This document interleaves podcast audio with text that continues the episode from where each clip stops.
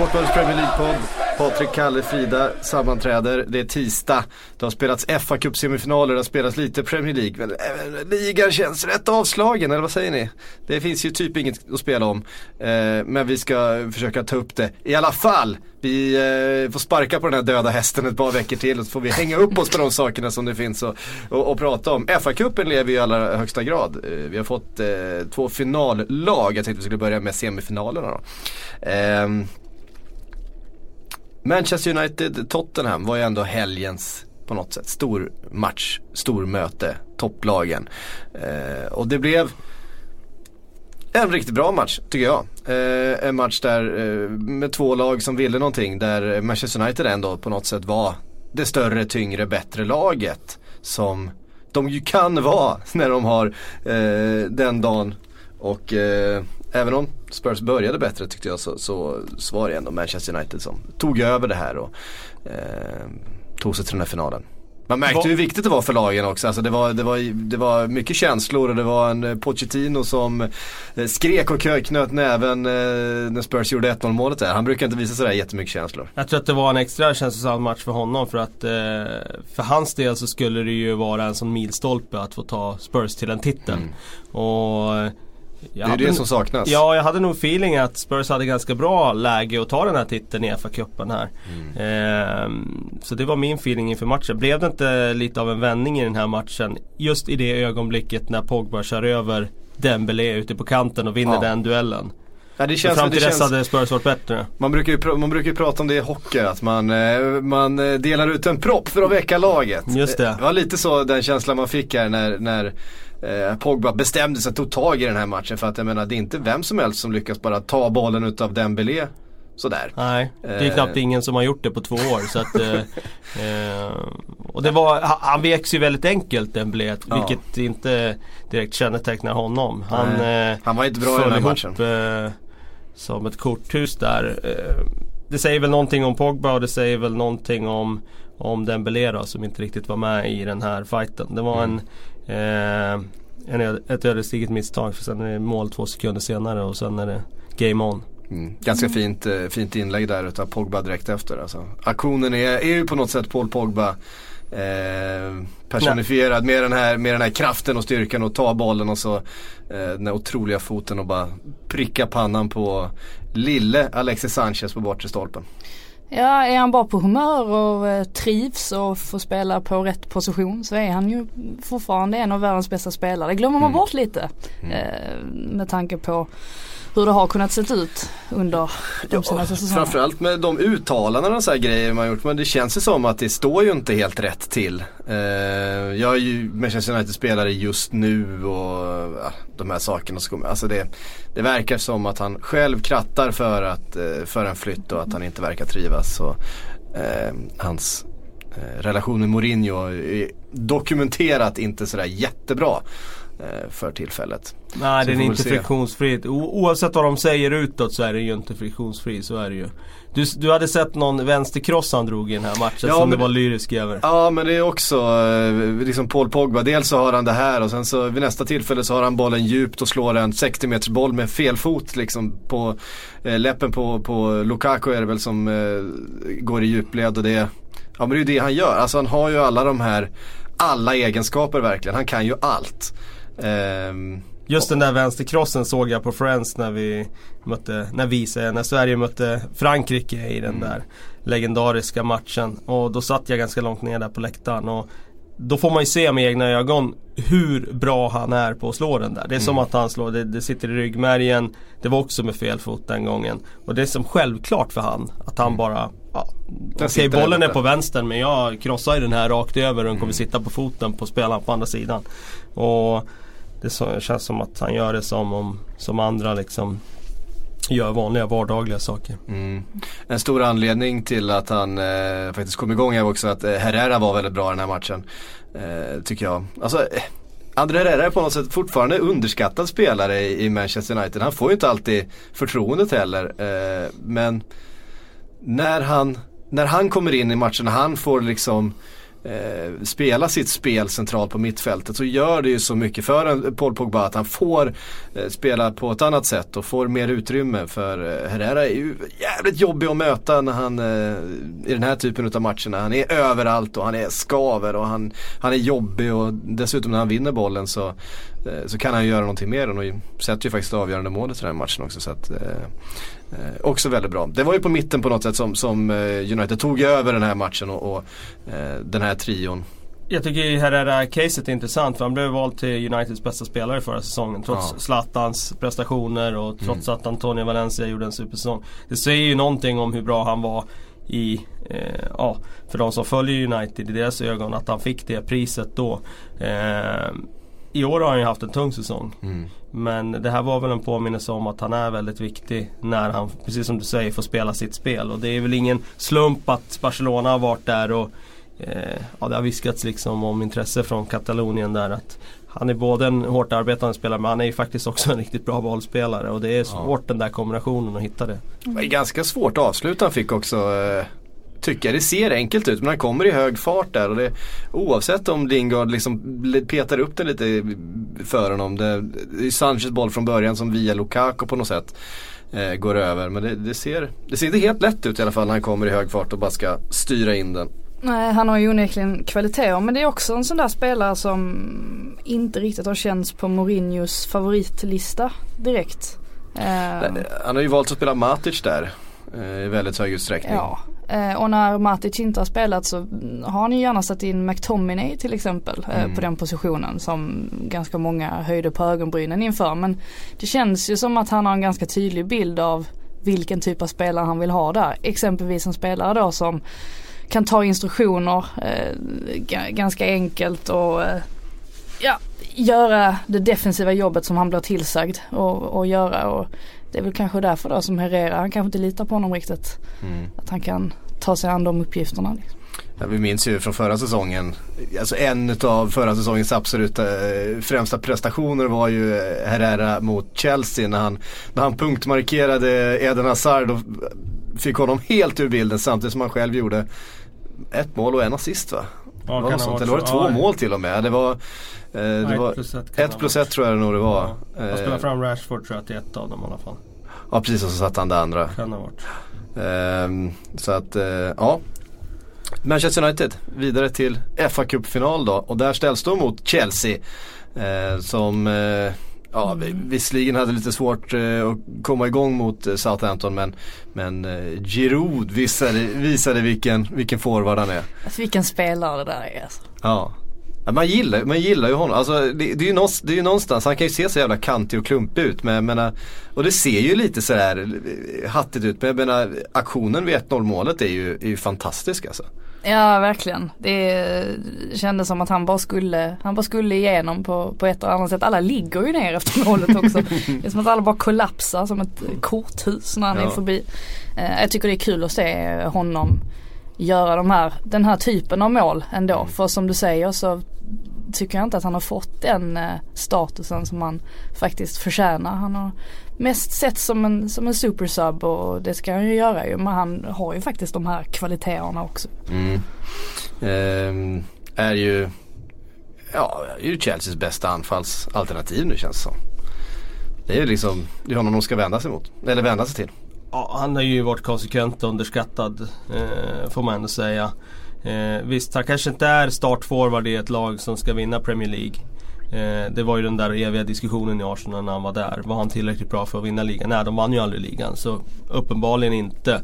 Men eh, han är ju samtidigt en sån där otroligt tacksam spelare att ha. För när, när han väl får spela, när han väl eh, sätts på planen så har han ganska bra mål, målsnitt. Han är jättebra mm. felvänd och så vidare. Så att eh, eh, Ja, jag skulle nog säga med tanke på att Morata går sönder eh, lite hit och dit. och så, så är han ju definitivt eh, eh, på samma nivå just här och nu och slåss om startplatsen. Blir det Giroud som blir VMs skyttekung? ja men man skrattar men det är inte helt omöjligt. Ja, alltså, eh, han, han kommer ju spela med ett väldigt bra lag, franska landslaget i alla fall. Och det, eh, det, alltså, det känns som att med Giroud så handlar det så väldigt mycket om hur man ställer upp. För att ska du spela med extremt mycket fart ja, då är det ju inte Giroud man ska ha där fram. Eh, och det är klart att tillsammans med Eh, vilka har vi nu i det franska? Mbappé, Griezmann ja, det... och Martial. Ja precis, det är alternativen. Och, jag menar, Mbappé, Griezmann, det är oerhört mycket fart och teknik liksom. Jo tack. Eh, och Giroud är ju oerhört mycket teknik. Han är ju väldigt, väldigt teknisk. Alltså det här numret som han gör, det gör han ju helt egentligen ur balans hela vägen. Han är väldigt bra funktionell teknik på ja, det sättet. Menar, han är ju ur balans men han, han har ändå kontroll på situationen. Alltså det kommer spelare flygande från alla håll och han vinklar med sig den här bollen och sen när han väl stöter in den med, med tån då så är det ju med den, den effektiva foten. Han behöver inte fördela om sin, sin, eh, sin vikt för att liksom eh, försöka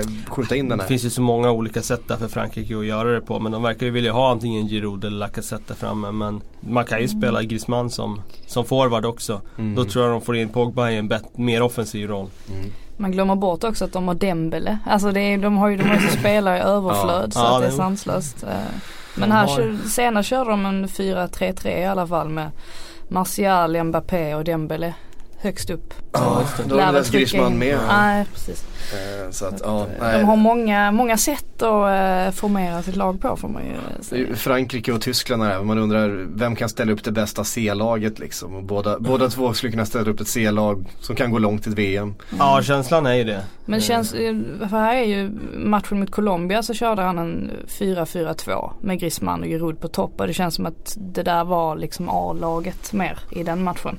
Mm. Jämfört med. Och hur såg, mitt, hur såg hela laget ut då? då? Om du drar den. Uh, nu är det här långt ifrån Premier League-podden men som sagt eh, ligan är, inte superhet nu så att vi kan ju svänga över på lite VM-snack. Absolut. Ja men det, det blir ju ändå lite PL där med Loris i mål. Eh, sen har vi Sidibe, Varan, Umtiti. Eh, Lucas Dinge, Mbappé, Kanté, Matuidi, Lemar, Griezmann, Giroud. Ja, det är Vilka hade centralt då sa du? Det var alltså Kanté och Machidi. Ja tack ja. för det. Det är ju, ja herregud alltså. de blir jag, hade, jag hade glömt bort Matuidi mitt i allt. de har ju, de har resurser alltså. Ja, och så tempo. Mm, jo tack. Tempo på det och sen Lemar på mittfältet där bakom eh, från tre. Ja det, det ser bra ut för Frankrike. ja faktiskt. eh, får man ändå säga. Eh, Manchester United-Chelsea i finalen. Vad tänker ni?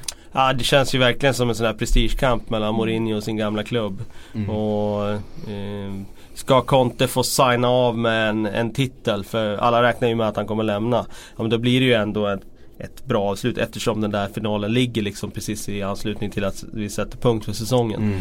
Mm. Eh, ska Mourinho få ta en titel igen och någonstans eh, överskugga det faktumet att ligaspelet har lämnat en del i övrigt att önska. Eh, ja, det blir den stora storyn där.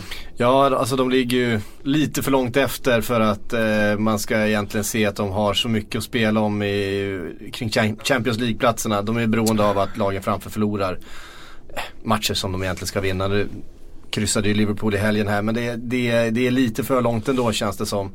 De är åtta poäng efter. Visserligen med en match mindre spelad men med fyra omgångar kvar. Det, det, ah, jag, jag, det är ju den här fa Cup-finalen som de har och helt och hållet rikta in sig på. Jag har räknat bort dem från fjärdeplatsen. Ja. Det tror jag många har gjort. Och så är det ju egentligen för United också. De, är, de är ju färdiga för den där andra platsen i stort sett. Visst, Liverpool eller Tottenham skulle kunna gå om då om de förlorar ett par matcher. Men menar, de är ju klara för, för Champions League, för Champions League nästa säsong. Mm. Eh, och nu med tanke på att fjärdeplatsen är en direkt plats till Champions League också. Där mm. kvalet är borta så eh, så kan ju de också rikta all sitt fokus på den här FA Cup-finalen. Så det kommer nog bli en bra final i alla fall med två lag som har fått spendera några veckor med att eh, helt och hållet fokusera på den. Mm, ja det, som ni säger, det hade känts typiskt Mourinho att avsluta med en, med en titel. Efter en säsong där man man ändå har hackat lite på, på hans sätt att spela på och sådär. Ehm, ju fler titlar han har desto, desto mer får ju den här liksom Mourinho-sidan att föra fram varje gång man kritiserar någonting. Ja men en andra plats i, i ligan och, och den här titeln och den här titeln. Ehm, så att ehm, nej, det hade varit bra för, för honom själv i alla fall. Ja alltså det är klart att det, det är klart vinner man FA-cupen kommer tvåa i ligan så är det ju inte en misslyckad säsong Nej precis och då kan man alltid vända och vrida på och få det till att nej, men det var ändå en godkänd säsong. City var för mm. bra det här året. Och, ja. äh, även om United hade gjort en supersäsong hade de i alla fall slutat tvåa. Mm. Och nu slutar de tvåa och så vinner de FA-cupen och då, ja i så fall, skulle det bli så så, så kommer han att eh, ja, ha lättare att eh, liksom mota kritiken. Ja. Um, Mohamed Salah, Player of the Year. Mm. Eh, det, det blev som du sa Kalle. Du kom hit en hade... Mohamed Salah t-shirt ja, idag. Du så måste att, berätta om det. Dagen till ära. Ja, jag gjorde det. Och så kom ja, du och sjöng ju... på Salah-sången också. Uh, ja, det, det, stämmer också. Men, men, äh, men man, man gör ju allt, man tar ju till konstiga grejer för att man ska försöka äh, dämpa sin nervositet inför Champions League-semin som är ikväll. Uh, där han ju står lite grann i centrum får man ändå säga. Den gode Salah i... Hans före detta klubb och eh, precis tagit emot priset som årets spelare. Jag tyckte det var rätt att han fick det. Men vi var inne eh. på det i eh, vår extra podd här i fredags. Ja precis, vi kan ju ta det igen då. Nej men alltså, jag tycker att det, det är eh, ett rättvist val. Eh, jag eh, tycker dock att det är anmärkningsvärt eh, det understryker hur otroligt bra han har varit den här våren. För det är lätt att glömma bort. Jag tror många gör det. Vet, men hur snacket gick i november. Då var det att De Bruyne var helt överlägsen. Han hade mm. avgjort priset redan då. Ingen kommer kunna komma i närheten. Men han har ju faktiskt blivit omsprungen den här våren av en Salah som varit otroligt jämn. Mm. Alltså match efter match efter match har han levererat. Och De Bruyne har ju inte varit dålig men han har ju inte nått samma höjder under våren som han gjorde under hösten. Nej. Sen eh, till De Bruynes försvar tycker jag alltså, det ska sägas att Hans pressspel har ju faktiskt varit väldigt, väldigt bra även under den här våren.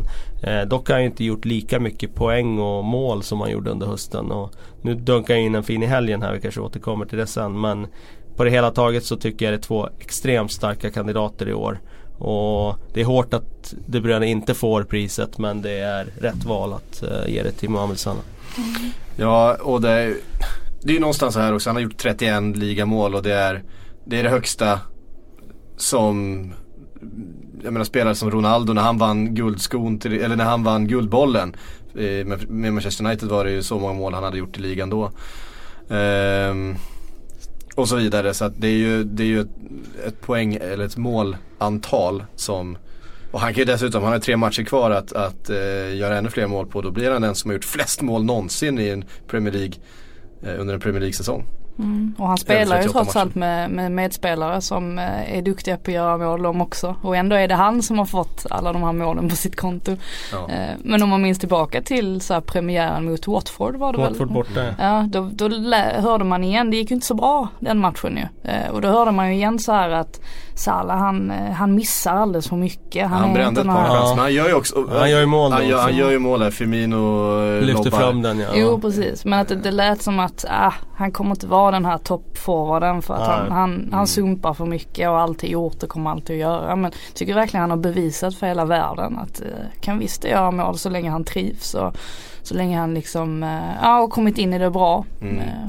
Man märker en väldigt tydlig eh, skillnad för när man eh, Eh, tittar på, om man tittar man på alla hans mål från den här säsongen. Eh, 41 eh, som man har gjort då. Då ser man att i början så är det väldigt mycket utav de här dyka upp vid bortre stolpen, slå in returer.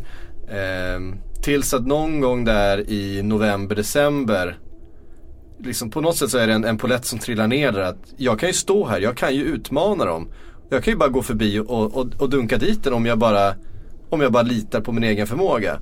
För där ser man att målen blir av en annan karaktär. Visst han gör ju fortfarande några eh, att han stöter in en retur och han, han dyker upp eh, i bortre stolpen och så vidare på lite enklare mål. Men där börjar han göra de här lite mer avancerade målen där han faktiskt går förbi en back och petar in den. Han går i, i djupet och, och visar kyla eh, på ett sätt som han inte gjorde i början på säsongen. Så där är det någon polett som trillar ner. Sen är ju varannat mål ett sånt där han själv rättvänd kommer in i straffområdet, gör sin back och bara hittar luckan.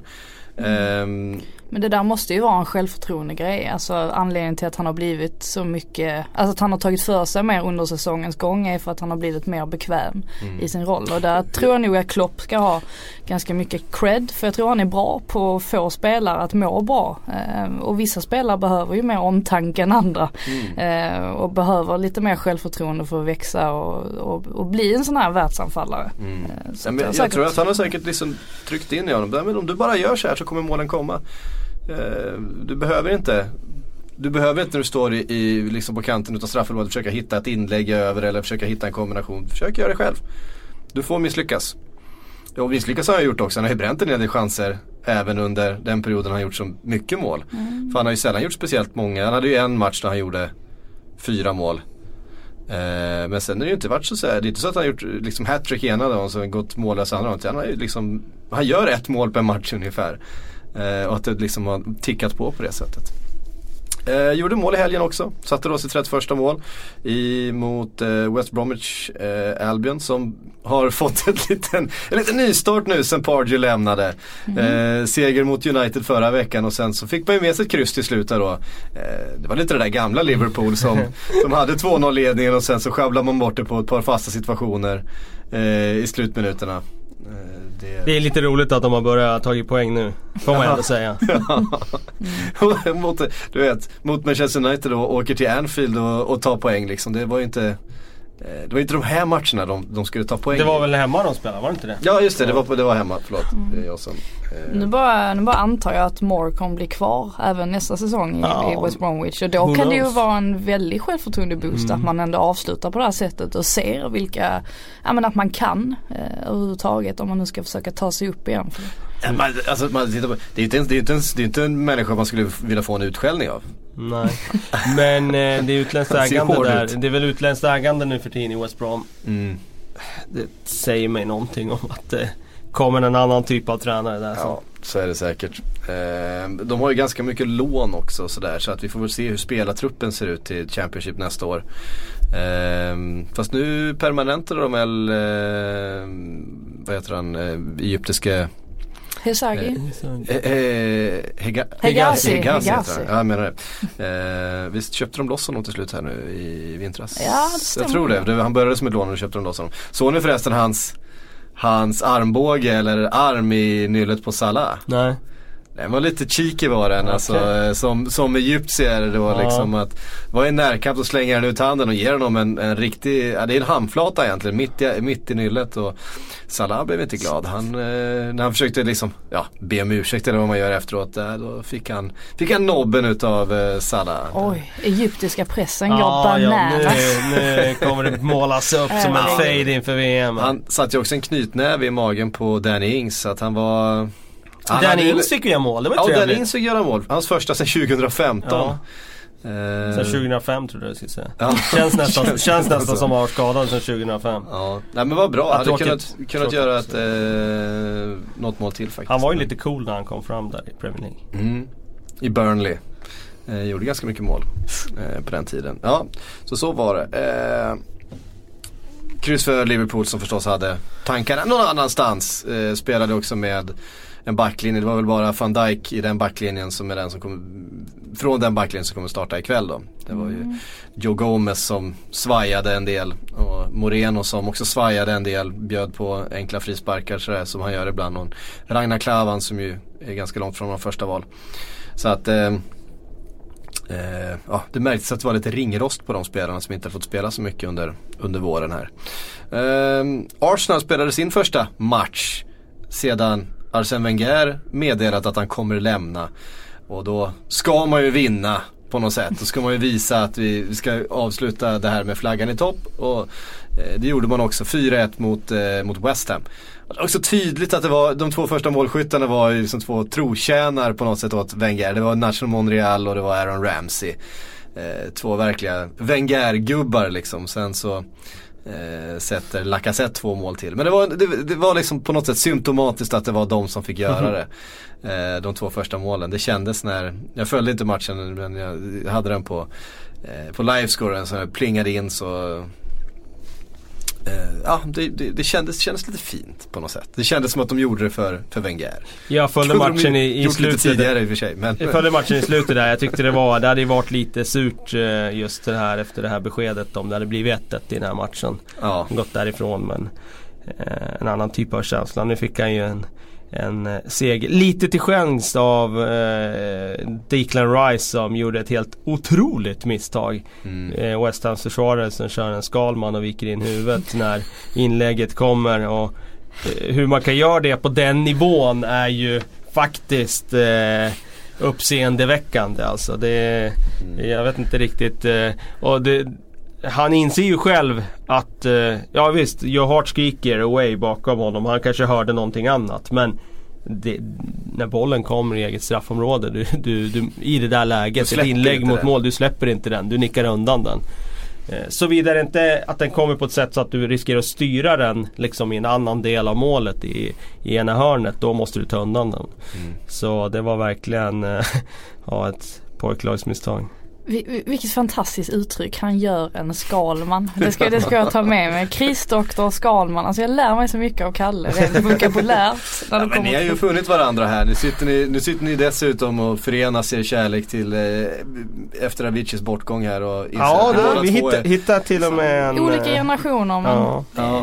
Palmemordet, Avicii och eh, eh, fotboll. fotboll. Ja, det räcker. Det räcker Fantastiskt, jag långt. blir, jag blir nästan rörd när jag Ja. sitter här. Ehm, Ja men kul med två mål från eh, Lacazette också så att liksom Wengers, ändå lite hans värvning. Mm, eh, Att det liksom han kan börja leverera lite nu också. Ja, eh, precis. Och så för Arsenals del är det ju också så här att eh, det, det är klart att det känns viktigt för dem att de ska hålla Burnley bakom sig eh, den här i avslutningen. Nu är det eh, två poäng som skiljer. Eh, men de har ju ett Europa League på torsdag mot eh, Atletico. Och det är klart att det är där det är där den verkliga prestationen ska komma. Det är det bokslutet. Det är det avslutet som Wenger ska få, ska få ta sin första Europatitel liksom. Det sista han gör med eh, Arsenal. Kanske visserligen inte den Europatitel han helst skulle vilja ha. De har ju ändå spelat en Champions League-final eh, under honom. Men det har ju ändå varit alltid lite eh, ja, ett problem för klubben under Wenger under alla de här åren att de aldrig har eh, på riktigt varit med och utmanat i toppen utav Europa. Det är den där enda säsongen egentligen bara där man spelade finalen. Annars så har ju Champions League och Europaspel varit ett enda långt misslyckande för Arsenal under Wenger. Ja, jag såg någon tweet från någon eh, Arsenal-supporter som, som skrev att om eh, Wenger vinner Europa League och tar den titeln eh, och detta liksom ska framstå som hans sämsta säsong. Då tycker jag ändå att han har gjort ett för jäkla bra jobb och det Mm. ligger ju ganska mycket i det ändå att Absolut.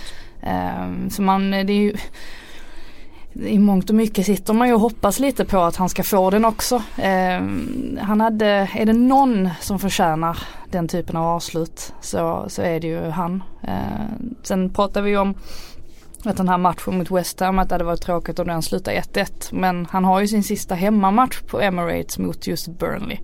Uh, Wenger. Den eh, blir hyfsat viktig den matchen. Eh, både sett till uh, tabellplacering Ja, alltså, och eh, Det hade, Och, eh, kunnat, hade ju kunnat bli så jävla fel. Sista säsongen slutar efter Burnley.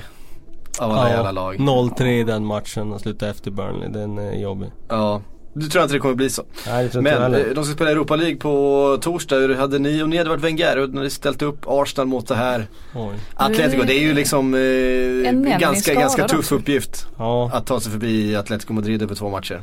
ja, den är jäkligt lurig alltså. För att oavsett hur du ställer upp så vet du att du kommer möta en lagmaskin som springer Mm. in i evigheten. Ehm, och dessutom har en del riktigt spetsiga spelare också. Mm. Så att eh, jag är svårt att säga. Eh, jag tror inte att han har så mycket val med spelare och sådär utan det, det är nog att, att eh, rent alltså matchplansmässigt på det taktiska hållet och hitta rätt där. Mm. Eh, snarare än Ingen Aubameyang, kanske därför Lacazette fick spela i helgen då, att han skulle komma igång. Eh, viktigt att få göra två mål. Han kommer Mm. bli väldigt viktig i den här matchen. Det är han, som ska göra det på något sätt. Ja, och ingen, ingen Elneny nu heller ju. Nej. Eh, det ville man ju verkligen inte ha. Ännu ett avbräck. Men Özil ska väl vara tillbaka antar jag. Han var väl bara sjuk. Mm. Ja, Igen, ja. precis. Eh, nej det blir, det blir ju Danny Welbeck och, och gänget. eh, men jag, jag tyckte man satt och, eh, satt och sa detta innan mötena med Milan också. Att man tänkte att usch nu kommer Arsenal få det svårt. Och så blev det inte svårt i alla fall. Och visst Milan har kanske haft en, en säsong som har varit lite, lite upp och ner och sådär. Men eh, det har ju faktiskt Atletico också haft. Så att eh, nog tycker jag att de har en möjlighet. Ändå. Ja. Men det är ju ingen som tvivlar på att Arsenals högsta nivå är tillräckligt bra för att slå ut ett, Real, eller ett Atletico Madrid ur, eh, ur ett dubbelmöte. Det är, Nej, så utan, utan, men det gäller att några av de här komponenterna också kommer upp i nivå. Jag menar Granit Xhaka behöver ju spela sin bästa fotboll och behöver ju på något sätt ta hand om det där mittfältet. Ja. Eh, och det har vi ju inte alltid sett att han har gjort. Eh, Jag såg, eh, kolla faktiskt, slötitta lite grann. Eh, Fråga mig inte varför jag gjorde det men eh, Real Betis mot eh, Atletico Madrid där från helgen och såg ut som de spelade 5-4-1 i den matchen Atletico. Det har ju inte jag Mm. känt igen när det gäller dem. Det har ju varit Nej. ett rakt 4-4-2 nästan så mycket man kan minnas.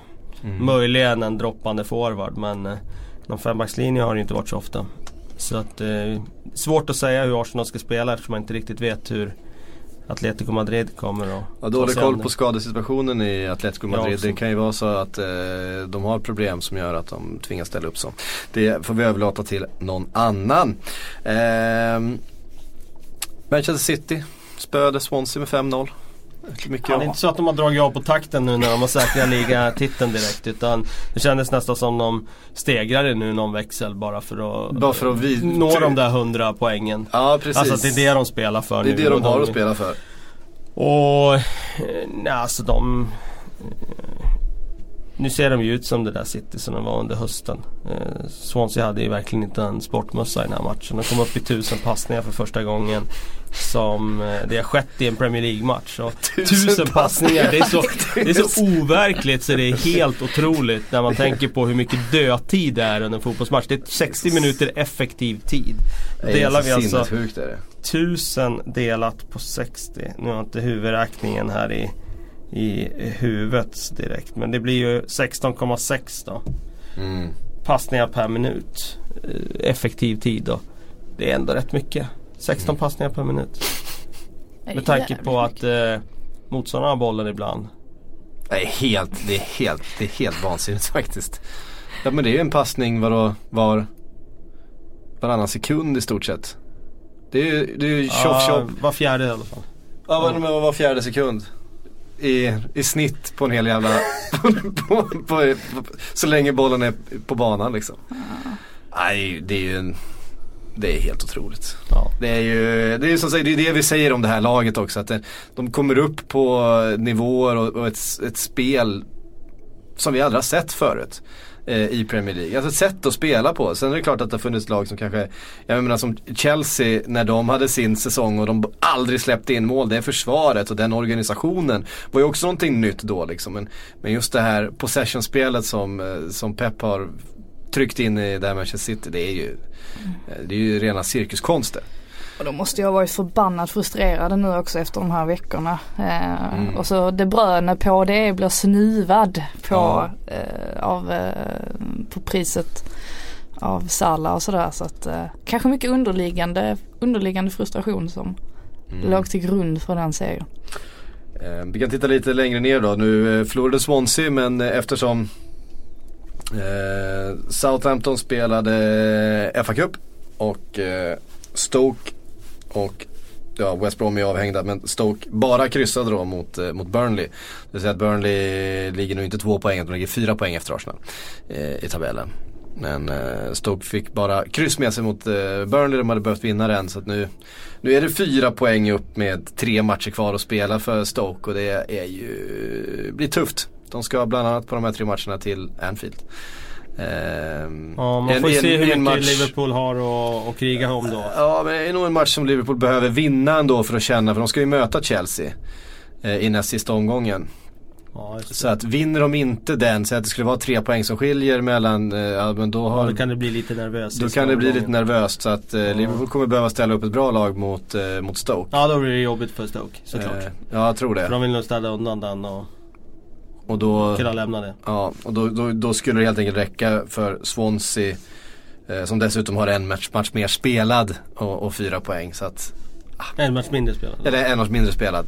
Så att det är ju kämpigt. Ehm, Crystal Palace, Watford 0-0.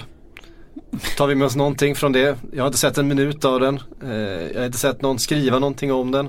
det, det, känns som det, känns som det, det är en, en, en, match som, som gick väldigt många förbi. Det är två lag som är eh, ja, de är ju klara för nästa säsong. Ja, ganska eh, fantastiskt ändå av Crystal Palace. Mm. Tänker på när vi satt här i augusti, september och pratade om krisen. I, uh, ja, mm. där ser man Roy. Han, Roy, har, han har inte tappat det riktigt än. Nej, Nej han har det fortfarande.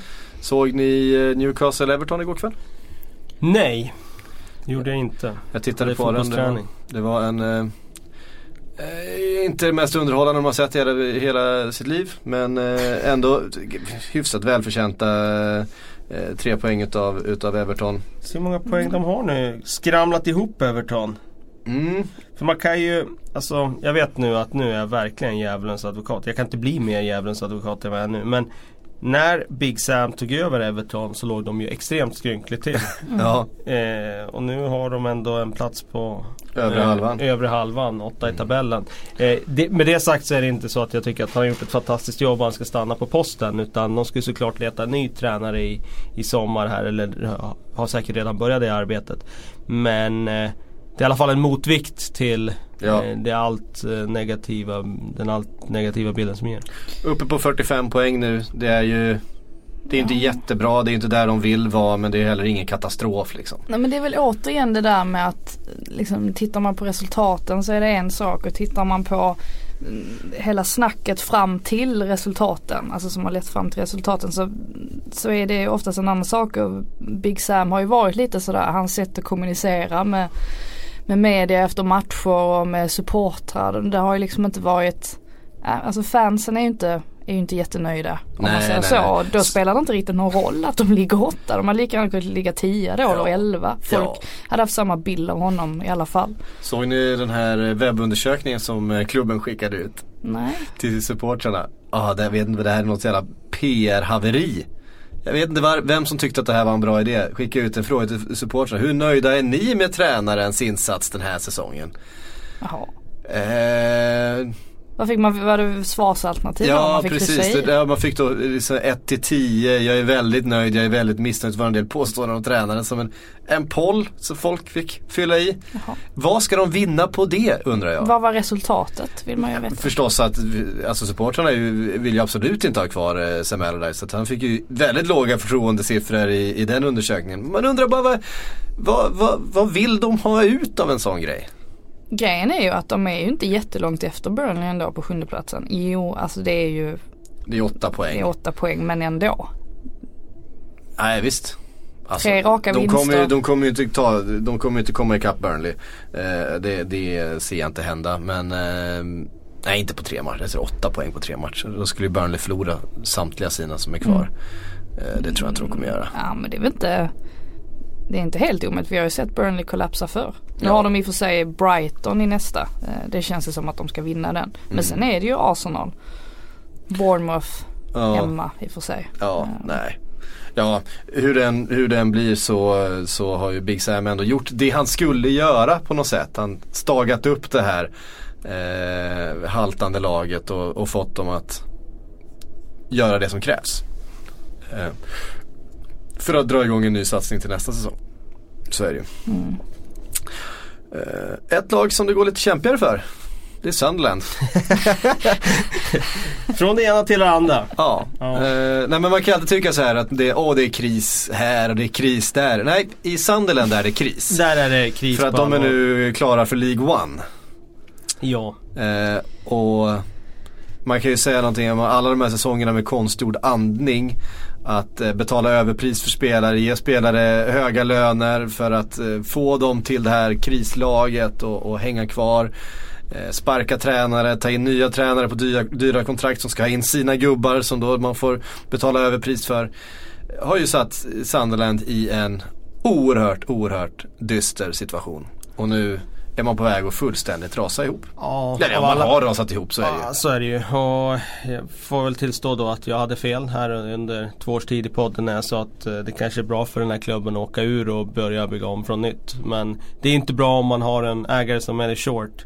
Som eh, Eh, har släppt sitt eh, intresse i klubben som har velat sälja under en längre tid. Det är ingen som är intresserad av att köpa. Av förklarliga skäl. Det är ju inte den mest attraktiva klubben i nuläget. Trots att det är en traditionsrik klubb så ligger den där den ligger. Eh, både geografiskt och i tabellmässigt sett nu för tiden. Och sen har det ju varit en klubb som har varit eh, stämplad av eh, att de saknar egentligen identitet. De har ju ingenting. Nej. Pratar om de senaste åren. De har ju liksom inte någonting som man kan sätta att det här är Sunderland. Det här står de för. Och de har haft eh, organisatoriskt kaos. Om man tittar på deras eh, alltså, ledningar och tränarrekryteringar och ingenting har ju egentligen eh, eh funkat. Nej, funkat. Nej. Jag läste lite jo, det, det, har funkat på så sätt att de, de har ju lyckats då mot alla odds då hänga, hänga kvar i Premier League typ tre säsonger längre än vad de borde ha gjort. För jag tror att hade de åkt ut första säsongen där, före de började dra på sig alla de här stora lånen som de har nu. För det är så de har gjort, de har ju lånat asmycket pengar för att finansiera eh, en räddningsplanka om det nu har varit eh, Big Sam eller eh, Gus Poyet eller liksom sådär va. Så, så har det ju Ja så av Ellie Shorts pengar så har han ju lagt 100 miljoner pund på den här klubben som har, ja, mm. han har skrivit av vad jag förstår. Så han har förlorat jättemycket pengar på den. Ja. Men man förlorar ju om man gör dåliga beslut i en fotbollsklubb och eh, de här har alltså värvat, vad jag förstår, de värvat 80 spelare under en 10-årsperiod. Av de 80 spelarna så har de sålt 6 stycken av dem med vinst. Jämför det med Southampton som liksom har satt i system att eh, rekrytera med hjälp av noggrann scouting, eh, pinpointa den här spelaren ska vi ha och sen sålt vidare med en enorm vinst. Mm. Alltså det är ju det är inte så stor skillnad på de här två klubbarna i storlek och alltså eh, ingångsvärden. Sunderland hade ju kunnat varit SA-15 eh, och ja, det har de ju inte varit Absolut. de senaste åren. Utan de har varit en eh, Ja, du säger Sunderland har nästan bättre förutsättningar så de har mer folk på läktaren och eh, De har ju väldigt bra hemmastöd när de väl kommer mm. dit. Eh, stor arena och så vidare. Eh, geografiskt ligger de väl lite sämre till eh, där uppe kanske medan SA-15 blir lite ner mot kontinenten och så. Men oavsett det så som sagt deras värvningsarbete har varit katastrofalt. Mm. Och den här säsongen, jag läste där, det, det, det var lite roligt faktiskt. Det har ju varit så sjuka grejer som har hänt den här säsongen. Och som det är ju små saker i sammanhanget men det, det, får ju symbolisera en, liksom, en klubb där allting verkligen går snett. James Vaughan hade inte gjort mål på 100 år så han firar målet med att eh, eh, springa och eh, mot bortaläktaren då, sina egna fans mm. eh, och eh, sätta handen vid örat liksom. Och mm. ah, vad sa ni nu? Officiella Twitterkontot skriver att, eh, då att eh, de gratulerar han till första målet i klubben. Varav han efteråt svarar att nej, det var mitt andra mål. Och de officiella kontot då, okej okay, det var så länge sedan så vi hade glömt bort det. Alltså bara den grejen är ju så sjuk att liksom, det händer liksom bara i en klubb där det liksom verkligen ehm, eh, där det, saker inte står rätt till. Det är ja. symptomatiskt i alla fall ja. för en klubb där, ja Eh, och det var ju liksom någon, någon eh, eh, historia som går runt. Sen om det är sant eller ja, att någon ung supporter hade liksom suttit sig och skitit på en av stolarna på hemmaläktaren. Ja just det. Och där. sen om man verkligen gjorde det eller inte. Eh, eller om man bara kissade på den där eh, sätet liksom. Ja. Det, ja. Men bara sådana grejer har liksom kommit. Darren Gibson filmas ju under något bröllop där han är på kanelen och, mm. och där han säger att det är inga spelare som bryr sig. Mm. Och, det är ju uppenbart att det är så. Ja, och det, det, är ju inte hälsosamt att det är så. Nej. Men de här Nej. grejerna blir ju symptomatiska för en klubb där verkligen allting går fel. Mm. Man vill, det enda jag kan tänka är Joel Asoro, ta det därifrån. Alltså, det är, han, man vill ju rädda den där eh, guldklimpen som det ändå är på något sätt. Ja. Och Adam Johnson storyn såklart som ja, den har ju också, Det var ju en jätteinvestering för dem eh, när han kom. Och Flexibility is great. That's why there's yoga. Flexibility for your insurance coverage is great too. That's why there's United Healthcare Insurance Plans. Underwritten by Golden Rule Insurance Company, United Healthcare Insurance Plans offer flexible, budget friendly coverage for medical, vision, dental, and more. One of these plans may be right for you if you're, say, between jobs, coming off your parents' plan, turning a side hustle into a full hustle, or even missed open enrollment. Want more flexibility? Find out more about United Healthcare Insurance Plans at uh1.com. Nej men det, det är så, också alltså en klubb där allting går snett liksom. Eh, och sen så ja, åker han in i fängelse då för, för det han åkte in i fängelse för.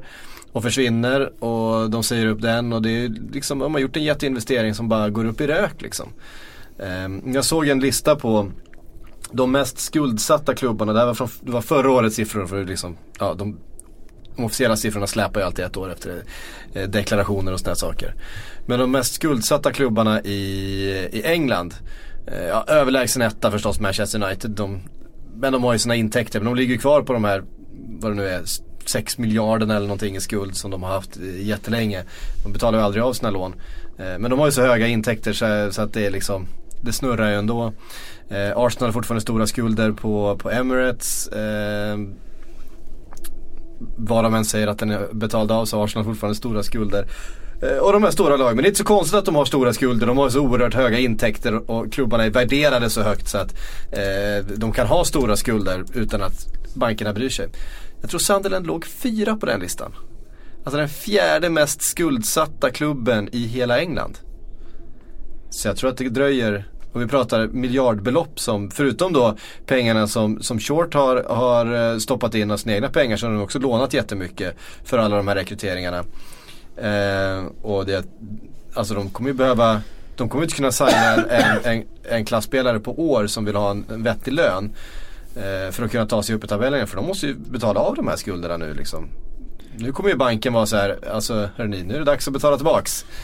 Eh, och har man inga Premier League-intäkter utan ska då halva runt i League One. Men man undrar ju lite någonstans hur svårt hur svårt kan det vara? Är det att man har inkompetent, inkompetenta människor runt omkring sig när man försöker liksom sköta en fotbollsklubb? För någonstans så är det ju inte svårare än, att förstå att tar du in en spelare för så här och så här mycket så måste du kanske sälja av en spelare för, eller två för att liksom täcka upp. Alltså man tänker att det borde inte vara, det borde vara som att driva vilket företag som helst. Alltså så länge man gör det med någon sorts, lite sorts vett. Så, ja jag, jag, jag har bara så svårt att begripa varför det, varför det ska gå så här långt innan någon sätter stopp för det. Alltså jag tror när man kommer in i den där onda cirkeln och man, har, man känner att man har ganska svag trupp så behöver man förstärka den för att inte åka ur och förlora ännu mer pengar. Jag tror det är det som är den svåra eh, balansen. Liksom. Eh, att det blir att man satsar kanske med pengar man inte har för att parera en, en uh, verklighet där man åker ur och det kostar ännu mer pengar. Mm. Uh. Enligt, uh, nu hittade jag siffror här, enligt Express som gjorde en artikel på det här. Sunderland är alltså världens elfte mest skuldsatta fotbollsförening. Med en skuld på 2 miljarder, det här är siffror från 2017. Ja, alltså vid, vid en miljard hade jag ju börjat reagera och tänkt att nu kanske vi får försaka styra upp det här på något sätt. Men att låta det gå så jävla långt det är 180, ju helt 180 orimligt. miljoner pund i skuld har klubben. Ja. Eh, alltså, eller de, 208 miljoner euro. Ja de har ju stora skulder till vissa kreditinstitut och jag förstår mm. så det kostar ju enorma pengar bara i räntekostnader det där. Eh, och ha de där mm. eh, skulderna. Alltså, det är en sak att du har skulder till en ägare. Han skriver väl av, han skiter i ränta och så vidare. Men att ha det till eh, eh banker och sånt där som tar rätt höga räntor eh, kostnader. Det blir ju kännbart. Jag kan bara, jag kan bara slänga in där att det finns faktiskt en, en klubb som har ännu högre skulder som man inte tänker på. Det är QPR som ligger på 2,5 miljard fortfarande i skulder. ja, just det. ehm, och de är då eh, Det är eh, Det är bara Arsenal och Manchester United tror jag som har, som har högre skulder än QPR. Ja, Sen är det Sunderland. Men, men jag menar, det är ju det går, inte, det går inte att bedriva verksamhet på det sättet. Kan, det finns en artikel här om Darren Gibson där, där, där de namnger vilka spelare då som han syftar på när han säger att det är för många spelare som inte eh, bryr sig eh, om hur det går för laget. Och det är alltså Lamin Kone, mittbacken som gjorde en supersäsong där och tvingades kvar när de åkte ur, det kommer jag ihåg. Han gjorde ju en uh, jättebra vård där. Jermaine Lenz och Wabi Kasri. Det ska vara de tre spelarna som, som han syftar på där i den där klippet där när han säger på ett bröllop lite alkoholpåverkad att han eh, har lagkamrater som inte bryr sig om klubben. Det säger väl också någonting om att Darren Gibson själv fick sparken sex månader senare efter det här då, för att han eh, återigen åkte dit för rattfylla. Eh, mm. Det säger väl något om tillståndet. Ja det är trist bara för att de enda som de enda som kommer lida ordentligt av det här är ju supportrarna någonstans. Alltså att följa en fotbollsklubb i hela sitt liv och se den förfalla på det här sättet måste ju vara, måste vara fruktansvärt. Det, ja, det väcker, väcker mycket känslor, mycket arga känslor. Man undrar lite hur Chris Cookie Coleman tänkte där när han tog det här träning, tränarjobbet. För han var ju stekhet där efter EM där. Eh, men eh, just Sunderland är ju svårt att hoppa på. Mm. Ja, det är eh, kämpiga tider på Stadium of Light. Och jag, som säger, jag skulle tro att det dröjer.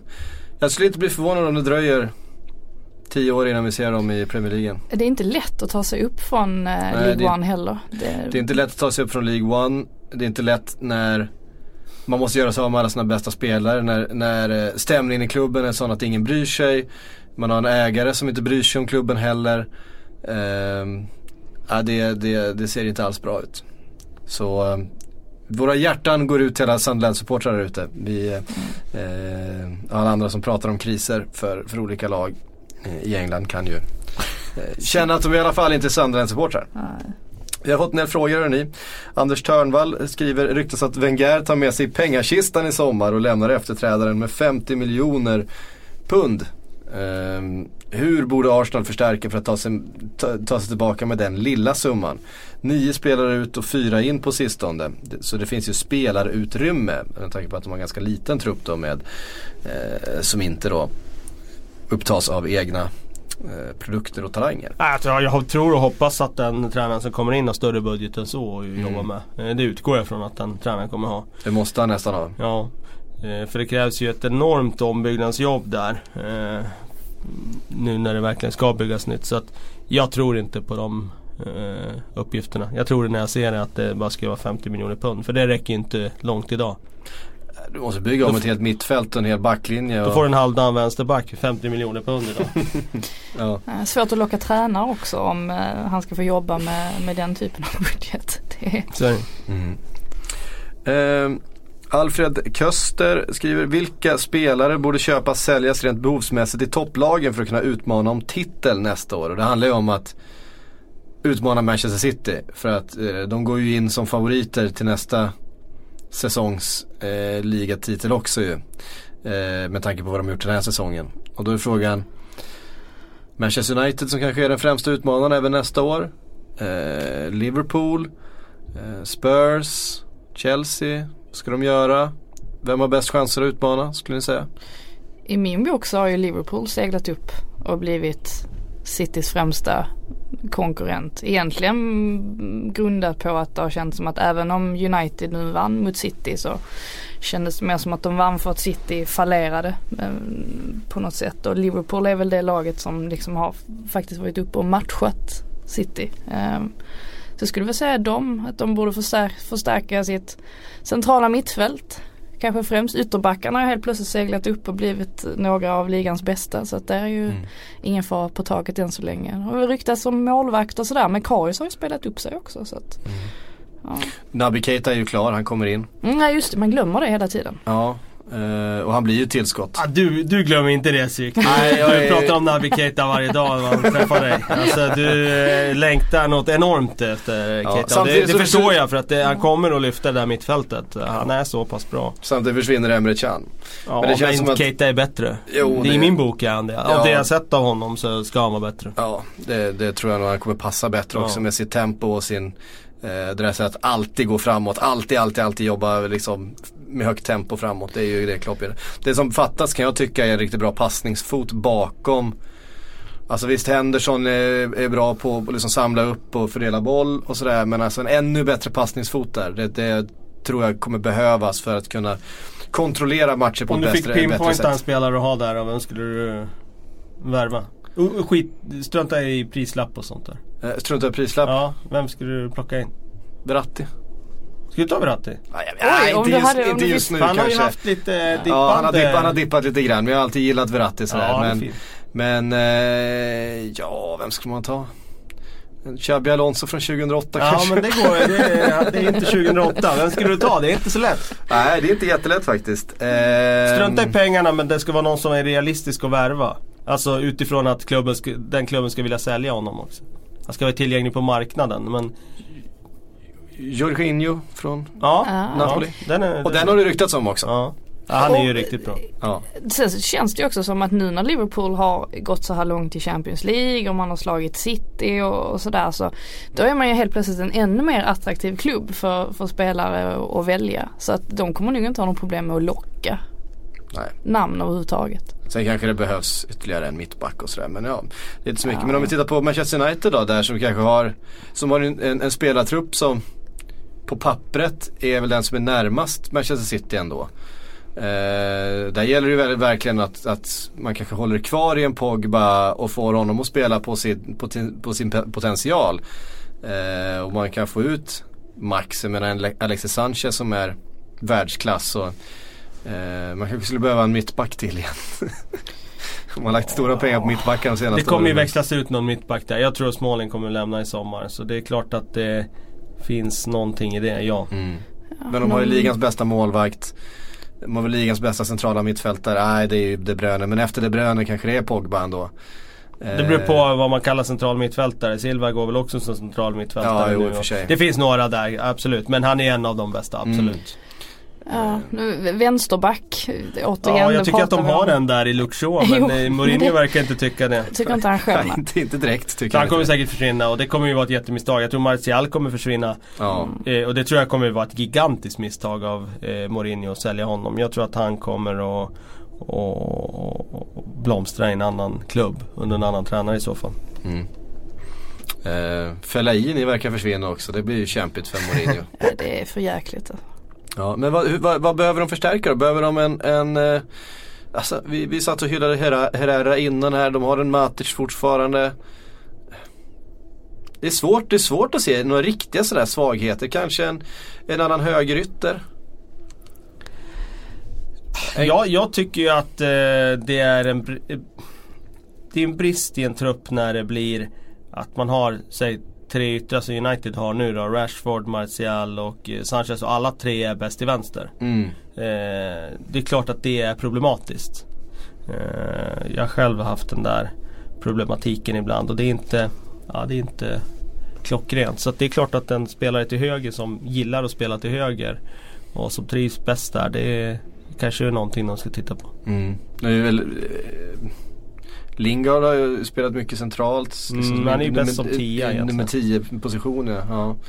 Eh, nej men en, en högerytter då, vem ska vi plocka in då, då? För de kommer ju inte gå på de små namnen. Om vi, om vi känner Ed Woodward rätt så är det ju Nej, eh, Så är det en världsstjärna som ska in där.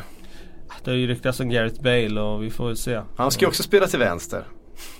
Vem säger det?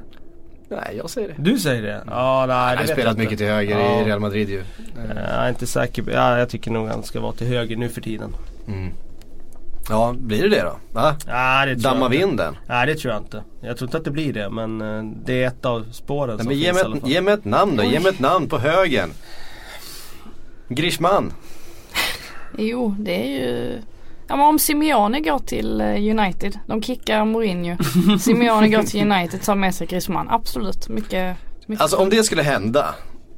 Då är det nästan så, så de seglar upp som favoriter. För han kommer ju göra ett, eh, ett svårslaget lag av, den här, av det här materialet. Ja det är ingen tvekan om det. Jävlar, Old Trafford kommer ju bli en mardröm att besöka liksom. Ja. Om, Simeone kommer dit och piskar igång det här gänget att, eh, ehm, att få ut sin potential. Mm.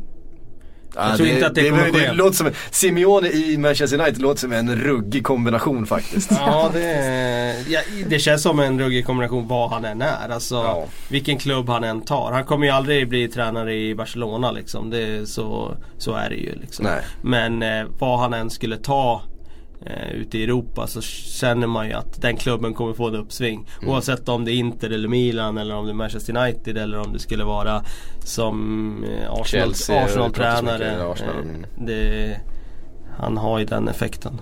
Mm. Vill man ju tro i alla fall. Han har ju bara varit i en klubb, st- liksom stor klubb. Eh, och varit där väldigt länge. Men man känslan är ju att han skulle lyfta den klubben han tar över. Mm.